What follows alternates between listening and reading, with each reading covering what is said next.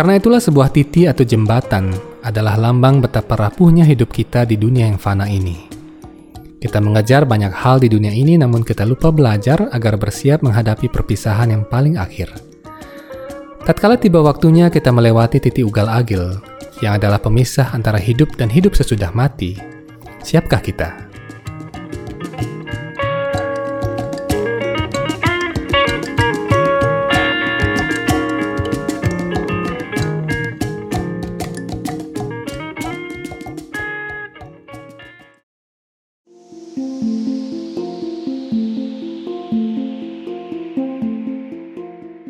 Wacana filosofis tadi mungkin agak menyeramkan buat sebagian dari Anda. Barangkali tak banyak dari Anda yang mencoba untuk memahami kenyataan itu. Ada baiknya titik ugal agil ini juga kita bahas dari sisi historis dan geografis. Secara historis dan juga dilihat dari bentuk muka bumi di mana pura ini berdiri, tampaknya pura ini berdiri di batas zona bahaya letusan Gunung Agung.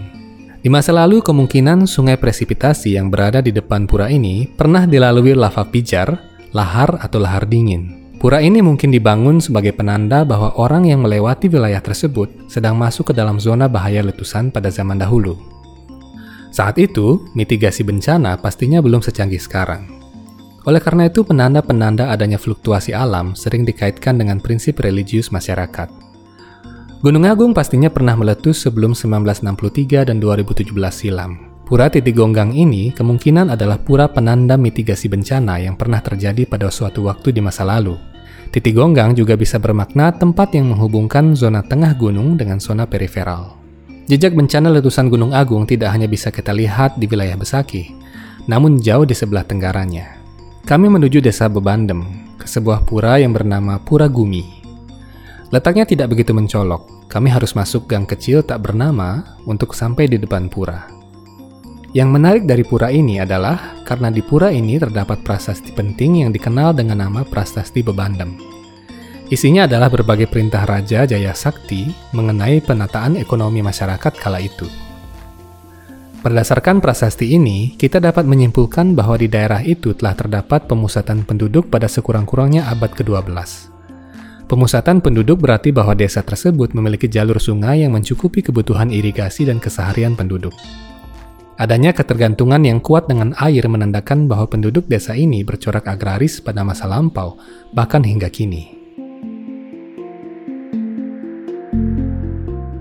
Sobat Hindu Times, sekarang saya tengah berada di Pura Gumi, Desa Adat Bebandem, di Karangasem. Ya, Bebandem ini adalah salah satu daerah di daratan aluvial Gunung Agung yang mengarah ke arah Tenggara ya. Dan e, Bebandem ini sesungguhnya adalah lokasinya berada di antara Gunung Lempuyang dan Gunung Agung.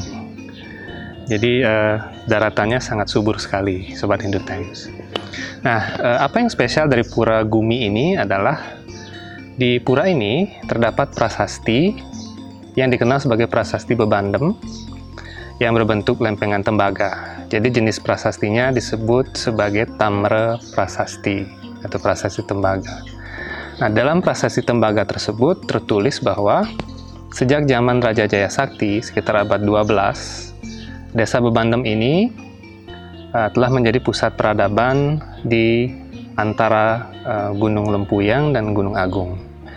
Jadi sesungguhnya uh, daerah ini adalah daerah yang subur, Sobat Hindu Times. Nah, terkait dengan apa yang kita bahas dalam live report kali ini, yaitu tentang uh, daratan aluvial dan jalur lava kuno yang disimbolkan uh, dalam ikonografi atau pura-pura yang ada, maka daerah Bebandem ini sesungguhnya pernah dilewati oleh jalur lava sehingga menjadi daerah yang sangat subur.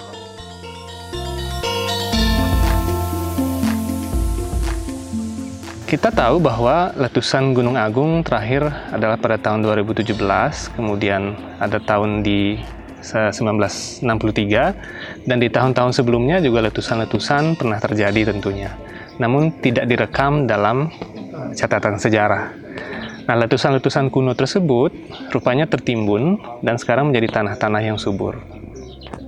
Jejak dari letusan-letusan kuno tersebut bisa kita lihat dari prasasti, kemudian dari pura-pura yang ada, dan juga simbol-simbol yang dibuat oleh leluhur kita. Kadang-kadang uh, lidah api atau lava tersebut disimbolkan sebagai naga, dan juga ada sungai yang juga disimbolkan sebagai naga. Kita akan lihat nanti dalam uh, spot kita selanjutnya, yaitu di Sungai Unda, bahwa dalam legenda Bali disebutkan bahwa Sungai Unda itu adalah jalur menuju ke Pitraloka atau ke alam lain.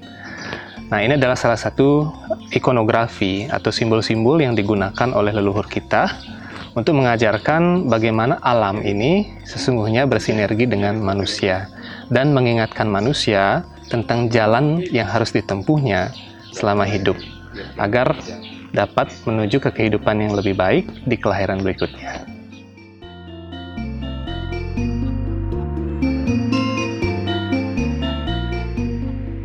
Wilayah Bebandem memang dialiri oleh sungai-sungai besar, seperti Sungai Unda dan Telaga Wajah yang terkenal. Terkait dengan filosofi Titi Gonggang, kebudayaan sungai juga menjadi latar belakang mengapa terdapat istilah tersebut. Sungai Unda, menurut kepercayaan masyarakat tradisional Bali, adalah jalur tak kasat mata yang dipercaya sebagai jalur roh yang akan menuju gerbang persimpangan antara surga dan neraka. Beberapa kalangan percaya bahwa pintu gerbang itu berada di Besaki. Cerita-cerita rakyat juga menyebutkan bahwa jalur Bima Sakti di angkasa yang tampak bagaikan aliran sungai saat malam hari, konon adalah bayangan sungai Unda. Ini mirip dengan apa yang dinyatakan dalam kitab suci Weda bahwa jalur Bima Sakti adalah sungai Gangga yang mengalir di antariksa. Jalur ini menjadi penuntun bagi roh makhluk hidup yang telah meninggal.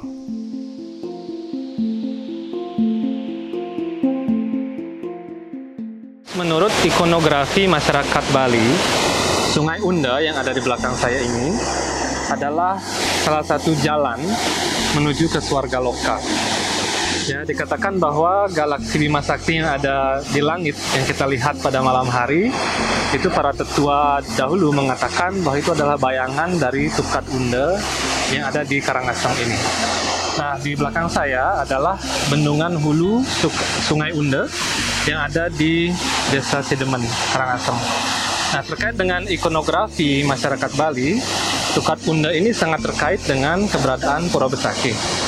Dan terkait dengan apa yang kita bahas pada live report ini tentang Titi Ugalagil atau Titi Gonggang, maka Tukat Unda ini adalah salah satu ikonografi atau ikon yang menjadi penghubung antara dunia manusia dan dunia astral atau dunia para dewa. Jadi adanya Titi Gonggang juga bisa ditelusuri dari sisi sejarah dan mitigasi bencana. Keberadaan Pura Titi Gonggang barangkali digunakan sebagai pengingat bahwa seseorang sedang memasuki wilayah rawan bencana sehingga harus berhati-hati dan waspada. Setelah mengunjungi berbagai sumber pustaka, kami menemukan keunikan lain tentang Titi Gonggang atau Titi Ugalagil. Ternyata Titi Ugalagil tidak hanya berkembang menjadi sebuah pura di Besaki, namun menjadi sebuah budaya religius nun jauh di seberang barat. Dari Besaki kami meluncur ke sisi lain pulau, tepatnya di Desa Taru, Tegalalang, Kabupaten Gianyar. Di desa ini dan beberapa desa di sekitarnya, kami menemukan apa yang kami sebut sebagai kebudayaan Titi Ugal Agil. Di depan setiap pura besar, Anda akan menemukan sebuah bangunan kecil yang berbentuk seperti replika jembatan. Orang-orang menyebut bangunan itu Titi Ugal Agil. Filosofinya, Titi itu adalah batas antara wilayah astral dan wilayah materi. Jadi titik ugal agil di depan pura ini menjadi penanda bahwa seseorang tengah memasuki wilayah rohani di dalam pura, sehingga hal-hal duniawi hendaknya ditinggalkan.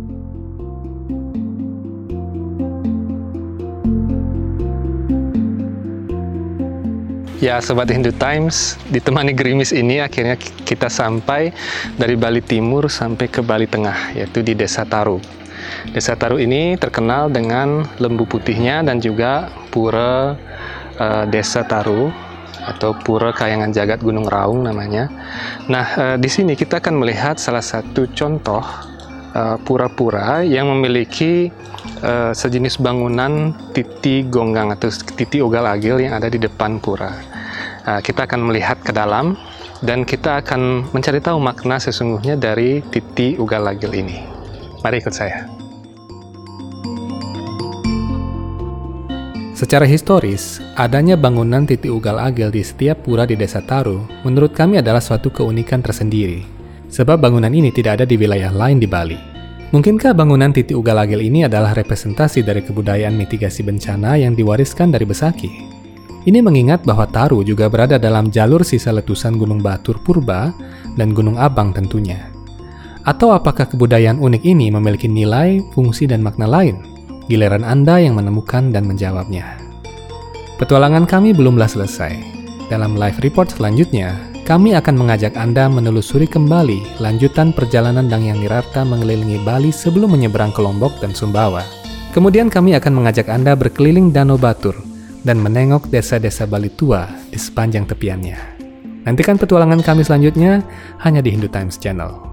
Om Santi Santi Santi Om.